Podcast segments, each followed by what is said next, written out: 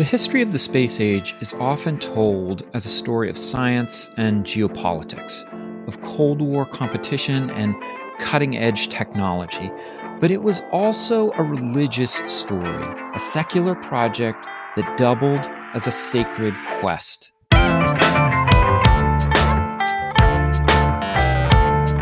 It's time to eat the dogs. I'm Michael Robinson. Today, Catherine Newell talks about the religious roots of the final frontier, especially in the collaboration of artist Chesley Bonestell and the NASA rocket engineer Wernher von Braun. Newell is an assistant professor of religion and science at the University of Miami. She's the author of Destined for the Stars Faith, the Future, and America's Final Frontier. Catherine Newell, thank you so much for talking with me. Thank you so much for having me. Chesley Bonestell is a big figure in your book. He grew up in San Francisco. He was fascinated in astronomy, also fascinated by art, and was trained in San Francisco. He has kind of an incredible story. He lives through the San Francisco earthquake, moves to New York, does more artwork there, eventually starts doing background art in Hollywood for movies like Citizen Kane. And in the late 30s, where you really pick up his story in depth, he starts working on a series of paintings about uh, Saturn and its moons. These are really incredible paintings, by the way. The plates in your book are beautiful. I was wondering what the significance of these paintings are to your project. Well, I think I often describe them as kind of a way into talking about this idea of how religion and science are conjoined. That's sort of the big, big, big picture. But I think at the kind of closer level, they're just sort of fabulous literal illustration of how we think about our place in the universe. I mean, to me, I don't know if they were to Bonestell, but to me, they're just, just something so spiritual. And there's so much faith imbued with the idea that at some point we will stand on the surface of one of Saturn's moons and look out across this wasteland towards this other this beautiful planet hovering in the distance and I don't know I just I was fascinated that he painted them in 1943 with what was known about Saturn's moons at the time which was that they didn't know that there was many more than 9 but at the time hmm. thought that there were only 9 but that he kind of cobbled together uh, his training as an architect, as a matte painter, as an artist, uh, all of his knowledge of American art, and turned out just these absolutely luminescent, sublime images of Saturn that yeah. just became so popular. Can you actually describe some of the details of these paintings? Yeah, so you mentioned Citizen Kane, and I talk a little bit more about it in the book, but that was one of the first movies that Bonestell worked on when he got to Hollywood. And what he really, he was one of, uh, I think, three artists who worked on the film. And what really struck him about uh, Orson Welles' technique was that he began with this kind of what we call today, what was called at the time, a photo montage, where if you remember the opening to Citizen Kane, we're sort of standing outside the gates of Xanadu. Yeah. And then we sort of fade through the gates, and then we're in the garden. We fade again, and we keep fading. Each time we fade, we get closer to the castle itself. And what Bonestell liked about that effect was that you could illustrate a journey. And he'd been in a kind of non academic astronomer, very interested in astronomy since he was about 16, 17 years old. And he created his first painting of Saturn when he was still in his teens, but for the next 30, 40 years, his encounters with images of Saturn were that they were just these kind of stale, scientific, or wildly fantastic and wrong hmm. images. So, what he set out to create was something that was more along this idea of a photo montage, of taking a journey. So, he began on what at the time was thought to be Saturn's furthest moon, Iapetus, and sort of hopped from moon to moon to get closer and closer to the planet. And in each image, Saturn gets a little bit bigger on the horizon, and we actually end the last painting is standing on the surface of Saturn, if such a thing were possible, and looking up through the rings. So he wanted to sort of recreate that Hollywood effect with his images of taking a journey to the planet Saturn. You say that the influences on Bonestell are pretty interesting. At one level, they reflect this kind of heightened interest in astronomy and popular access to astronomy. And at this other level, they also link to a much older genre of landscape paintings mm-hmm. from the Hudson River School with painters like Thomas Moran. Could you explain the links? Sure. Well, Bonestell has actually been called, not by me, by uh, others, the, the last Hudson River School artist. Huh. Because he, I don't want to say borrowed, he sort of created an homage to the techniques that the Hudson River School artists, beginning with Thomas Cole in the 1830s, used in their landscape images of, uh, at first, the areas on the east coast of the United States. And as the country moved further west, the artists went further west as well. And they created these physically huge images of the areas in the Rocky Mountains, and the Sierra Nevada, the Yellowstone, and Yosemite, uh, South America, Niagara. I don't know if anybody listening has been to the Smithsonian, but Frederick Church's image of Niagara Falls is something yeah. like almost 11 feet It's amazing. long. And uh, yeah, Thomas Moran kind of famous, famously did some of the same things with his images of uh, the Yellowstone, the Grand Canyon, but there were these huge, again, we could use the word cinematic, even though it's anachronistic, but uh, very large and very true to life that they were trying to illustrate again the sublime, the beauty, the uh, inordinacy of the creation, and the wildness of nature, but also keep as accurate scientifically as they could. And I actually just found out recently that when they've tested some of Thomas Moran's paintings, they found that he actually used local uh, minerals to get some of the colors right mm. in like his images of the Grand Canyon, his image of the Grand Canyon that he wanted to make sure it was accurate. So that's where he got some of his colors. But so these huge landscape paintings that Bonestell was kind of uh, recreating in a way, but on other planets. These paintings are really incredible and sublime, but they also play a big role in the kind of vision of, of the country and by the 1850s, 1860s, a vision of the West. Most kids in school learn terms mm-hmm. like manifest destiny, but I think they attach that oftentimes to a kind of geopolitical purpose, you know, the conquest of the West. You push this idea that there's really a, a deeper faith foundation to these ideas. I was wondering if you could talk about that. Sure. So, Manifest Destiny is, of course, a very, as you say, geopolitical argument for expansion, the argument for the Mexican American War, uh, the argument for some very ugly moments in our collective past of uh, eradicating groups of people that were already in this quote unquote unexplored American West. But at the base of what was meant by this idea of destiny really connects very, I think, clearly and theologically back to the quote unquote errand into the wilderness of the pilgrims and then the Puritans who were themselves religious refugees coming from Europe, coming from England and Holland, uh, who believed very profoundly that they had a mission from God to establish a new world, a new, mm. excuse me, a new Israel in the new world. They called themselves the New Canaan. They wrote extensively about how much they were like their own uh, mission was like that of Moses and the Israelites in the desert and what kind of kinship they felt with them.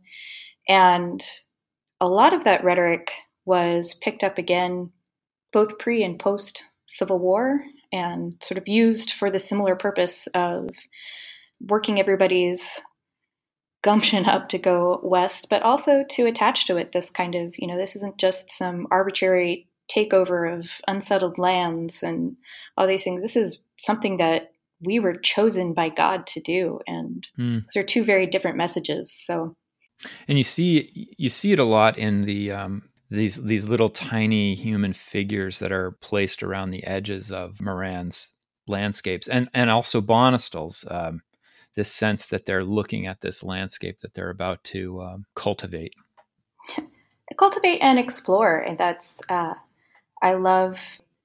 I think I draw try to draw a connection between a couple of Moran's images of his famous image of the Grand Canyon of the Yellowstone, which is another enormous painting in the Smithsonian, something like seven or eight feet across, mm. and sort of standing on the precipice looking out across the famous image of the Yellowstone River pouring into the canyon there are these two tiny figures of uh, Frederick Hayden Church, the leader of their uh, exploratory group and his Native American guide, and they're sort of dwarfed by this huge landscape around them. And then Bonestell does some very similar things with even back to his first Saturn paintings of these tiny little figures exploring the surface of Mimas, you know, this huge planet in the background, and there are these tiny figures in the foreground and these pretty, I think, futuristic looking uh, spacesuits, just sort of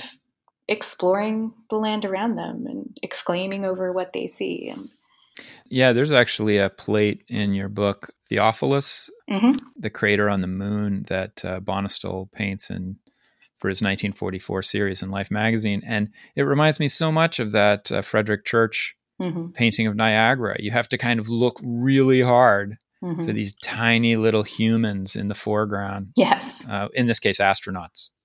Yes. I think this was even before we called them astronauts, that they were still just kind of space explorers. Mm.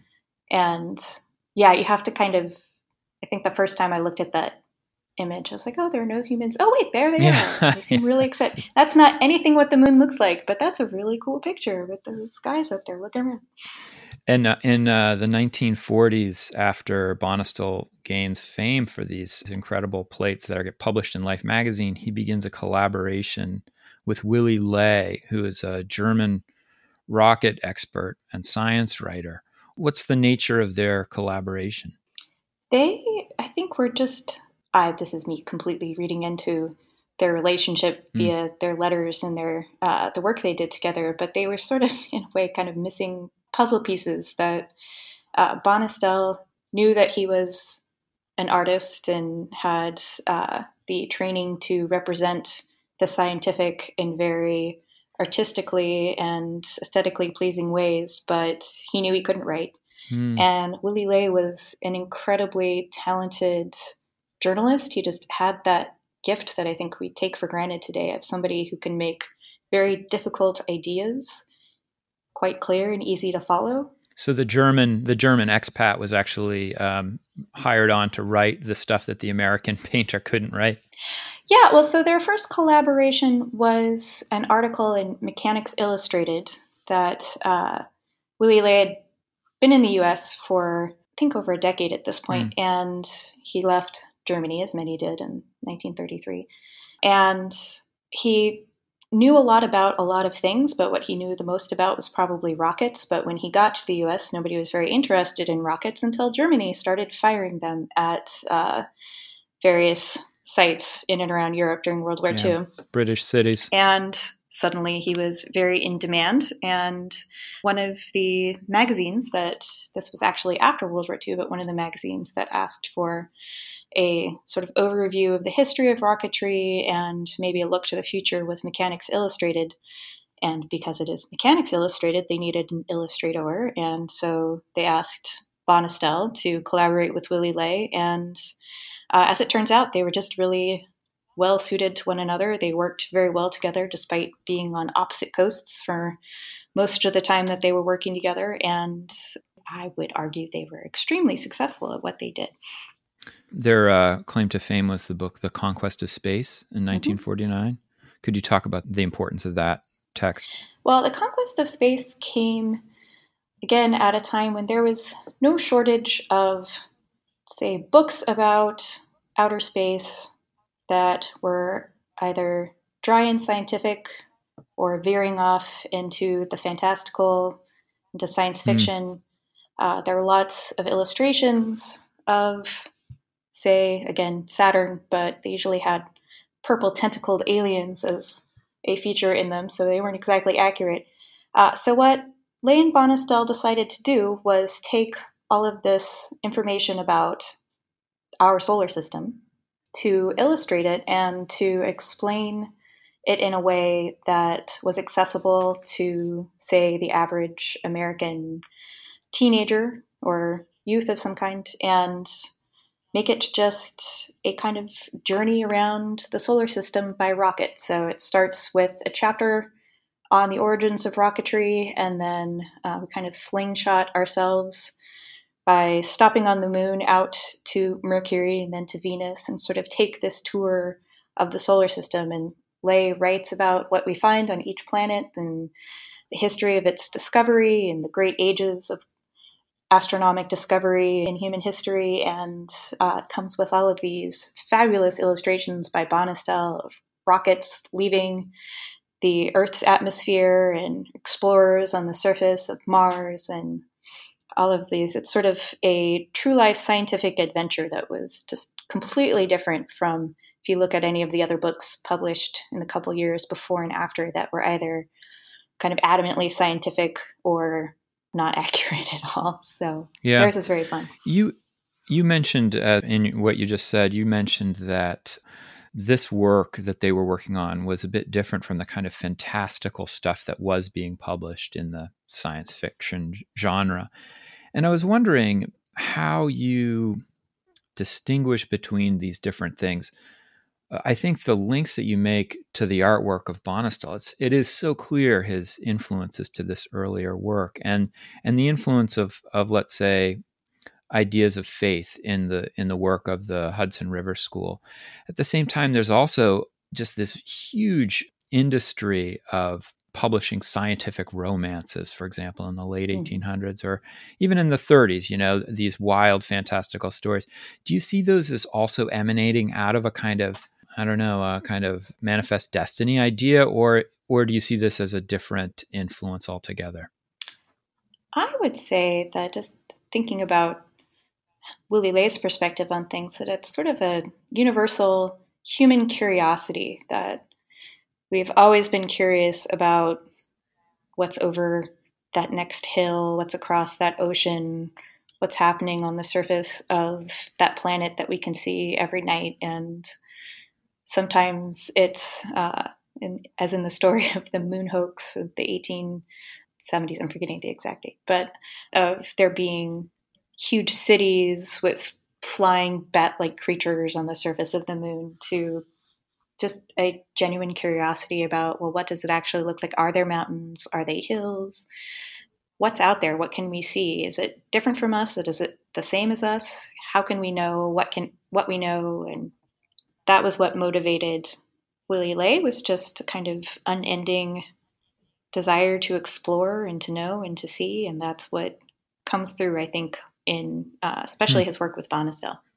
And in the 50s, both men begin working with Wernher von Braun, the uh, famous German aerospace engineer who eventually ends up working for NASA after the war and becomes the chief architect for, I think, the Saturn V. Mm-hmm. What was the nature of their work together? Well, von Braun and Ley had actually met many years before back in the 1920s when, well before the rise of Hitler to power, uh, when they both belonged to the same rocketry group in Germany. And uh, this group was sort of trying to, as much as they could, build a rocket, any kind of rocket. Again, more out of kind of fundamental curiosity than anything else, than wanting to create firepower. But von Braun was always had his sights focused on reaching outer space. And this is a much longer story, but uh, eventually he and Willy Ley found themselves both here in the US. And by that time, in the early 1950s, when they were reunited, Ley and Bonestell were pretty much of a team, and uh, Bonestell met von Braun separately and then discovered that Willy Ley had kind of mentored him many years before. And the three of them sort of threw themselves in together on this project of proselytizing about space exploration. Hmm. You know, your book is really interesting. It tells the story of I should I should frame it this way. You begin your story with an artist who's working on representations of space landscapes that no one's ever seen. And you connect it to these really big questions, really big history questions, and offer a new look on it. In particular, I think what's really interesting to me is that you say that, you know, the idea of space as a frontier is not a natural thing. It was actually invented. I was wondering if you had any thoughts about that. Well, I would say that if we think about it logically, uh, exploring space is fundamentally illogical. that we yeah. definitely evolved on and evolved with our happy little watery planet that we live on. And as far as where we are most comfortable, I would argue that it's this planet. But there's this kind of, again, insatiable curiosity about and thirst to explore these other places that just, again, defies all logic. It doesn't make a ton of sense to think about wanting to build a settlement on the moon or spend a year or two on the surface of Mars, but it's like we just can't stop pushing ourselves outward. And then and then you have people like von braun who felt very profoundly that this was something that we were called by god to do that our ability to build rockets and to reach the furthest ends of our solar system was something that was demanded of us by a higher power. So yeah i also thought it was provocative and interesting that you say it's seen as kind of commonly accepted in many quarters that the United States became very interested in the space race for geopolitical reasons after the launch of Sputnik during the International Geophysical Year. And you say, no, that's actually not the case at all. This kind of um, drive to go into space, explore space, maybe colonize space is connected to these to these older things. Mm-hmm. So I had a question about this. I totally see. I think you make the case very persuasively that the this artwork and these individuals are are connected to earlier genres and to questions of faith. I was wondering though, do you see this as a kind of an American story of faith? Because I was thinking two of your protagonists, you know, Willy Ley and Wernher von Braun, are German, and they're coming to their interest in space from very different cultural contexts. Do you see these as connected or or different? I don't know that I see it as necessarily fundamentally American, but I think there was and has been something particularly fascinating about the American frontier. And so uh, I didn't have time to get too far into it, but there's actually a long history uh, dating back to the 19th century in German literature of American Westerns about Germans who leave Germany and go out American the Yankees out in the Western frontier, and that they're just well suited to this uh, rough life. So, this idea of the frontier is also embedded in some ways in German nationalist idea of the self as well that I think is fascinating. But uh, I do, in some ways, think that some of these religious elements are uniquely American because America is religiously so unique that we have this tremendous yeah. religious marketplace. We have the laws stating that there shall be no establishment of religion and that everybody is free to practice whatever religion they behooves them, and that this has led to this flourishing of many, many, many different religions and religious cultures, and that uh, I think some of that surely had to have an effect on bringing so many people together to agree to, say, build a spaceship that will get to the moon. That I think those two yeah. are in many ways fundamentally related. Not to say that other countries couldn't do it as well, but there's just something about this kind of open market of religion in America that I think was a large influence on how people perceived the mission to reach the moon and moon and beyond. And when you use the word religion um, in the book, you say that one of the problems of the way we tell this story of science and its connections to religion is that the, these concepts are so, both of them actually, uh, religion and science, are so oversimplified. You you write that religion is quote shrunk and stuffed into black boxes, reduced to a particulate concept designed by detractors. So, what do you see as the religious? I guess the question is how does religion operate as an idea in your story? Well, one thing I wanted to sort of poke at was the sort of universal acceptance of these sort of straw men versions mm. of religion and science. So I think I say that the same thing kind of happens to science in some of these science versus religion debates that both religion and science are sort of shrunk down to these entities unto themselves rather than thought of as the outcome of human thought, philosophy, behavior, research, curiosity. Essentially, the kind of human element of them is strained out and they're sort of set aside as something unto themselves. And so I think, partly at least, what I was trying to do was say, no, there's still we can't just talk about religion and science without talking about how people live with them and imagine them and use them, the kind of lived aspects of both of these philosophies, ideas, histories.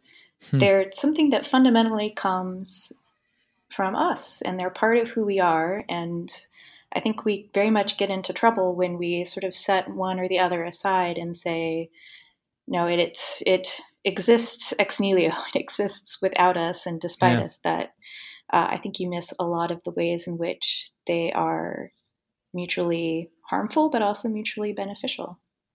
I really appreciated this part in your book where you talked about the way that this conflict between religion and science how it's really a straw man and it's it's grown up from the late 19th century work of uh, John Draper and other people, and really carried forward to the work of Richard Dawkins. This idea that the, you have these two entities at war with each other, and what what I really liked about that was I did my graduate work in a history of science program at Wisconsin, and a number of the professors there had come, and graduate students had come from religious backgrounds, mm. and had become at some point in their career secular, either secular humanists or secular scientists, and then just uh, took on this work as a kind of fascination. There were a number of professors there, uh, Ron Numbers mm. and others who who work on religion and science.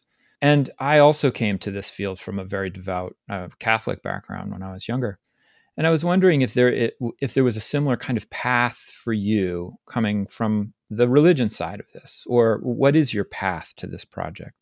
Well, to this project, I started so long ago. I'm trying to remember exactly. uh, yeah, it's the nature of book projects. yeah, yes, they live with us forever. But I do remember very clearly thinking about this idea of sort of arguing in my head against the idea that science and religion, again, both exist institutionally outside of humanists. Just thinking that's that's so not true, and you can yeah. see it in so many ways. I need a a story. I need something that sort of makes this visible. And for a while, I wanted to write about the Human Genome Project because, mm. frankly, all the rhetoric about unraveling the language of God and all these things, and the people who were involved and who were leading it that were so clearly viewing what they were doing as both secular, scientific, and secular, but also a very sort of holy religious yeah purpose sacred. to it. Yeah, something sacred and sort of un, unweaving uh, the human genome. I thought was really amazing. But then I found outer space, and there were a lot better pictures. Yeah, that sounds like a lot more fun. Yeah, because uh, I just remember seeing. I think it was, gosh, it must have been around the 40th anniversary of Apollo 11 seeing uh, Buzz Aldrin and Michael Collins talking about their experience, and there were all of these sort of interviews with a lot of the Apollo astronauts, and every single one of them had some kind of religious revelation or a spiritual crisis or just had this renewed idea of the sacrality of the earth that was affected them so profoundly. And I thought, well, I think this is what I need to write about. I was thinking about your project in the well, actually, I should say your project really made clear to me something that I've been thinking for a long time when I read about people who are big enthusiasts of human exploration of the solar system, particularly the particularly Mars. Mars gets a lot of mm-hmm. interest. And uh, sometimes when you read essays on, well, we just need to do this in order to make this commercially viable, or we just need to do that in order for this to work, or we need the right spinoff, I start to think this isn't really guiding this project. These are true believers. And I've mm-hmm. always used that term, true believers, but I've never really placed it into the context of what you're talking about until now. And I was wondering if you also have or see things in the present moment that connect to this story for you when you read about, I don't know, whether it's NASA or SpaceX or something like that. Do you see evidence of these processes still at work? Oh, absolutely. I was just reading, I don't remember where he was speaking, but Elon Musk, everybody brings up Elon Musk because he has maybe the most articulate vision of both getting to Mars, but also why we need to go. And frankly, his kind of a uh, apocalyptic vision of that we're going to have it's pretty dire. Mm. Uh, we're going to have World War III. The robots are going to rise up. Siri and Alexa are going to join forces and destroy us all in some fundamental way. Uh, so that he's saying we need to have an escape hatch. Basically, we need a safety valve, which he didn't use that phrase, but that's where, in thinking about the history of the Western frontier and how it was contextualized or argued for as a safety valve. So he's making the same argument about Mars. But so much of what he was saying echoes, and I think unironically and very sincerely, yeah. uh, exactly the sort of things that von Braun was saying. That, you know, he has this whole argument with the editor of the Christian Century, one of the kind of longest running Christian magazines in the US, where Von Braun is kind of accused in the pages of the magazine of building another ark and essentially being carried away by his fantasies of getting to other planets. And Von Braun responds by saying that, you know, this is one of the most important things that we can do as a species, that this is something that is expected of us, and we need to be prepared to, when we are called to vacate this planet and we, you know, unless we want to live in this kind of uh, Malthusian nightmare, we need to start building rockets that will get us to other places in the solar system. And I was reading Elon Musk, and then I went back and I reread what von Braun said, and it's just they sort of chime off one another. And Musk isn't referencing necessarily the Book of Revelations, but I think Give him time. Spiritually very similar. Yeah, spiritually very similar. Catherine Newell, thank you so much for talking with me. Thank you so much. This was such a pleasure. Thank you. That's it for today. The music was composed by Zabrat Make sure you check out the Time to Eat the Dog's website for podcast links and other exploration related stuff. And if you get the chance, please take a minute to rate and review the show wherever you get your podcasts. It really helps make the show visible to new listeners. And if you want to recommend a guest or make a comment, feel free to contact me at time to eat the dogs, that's one word, lowercase, at gmail.com. See you next week.